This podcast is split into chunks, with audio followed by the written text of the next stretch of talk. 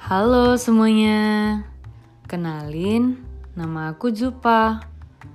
Hmm, aku gak suka sih sama Jupa Sob.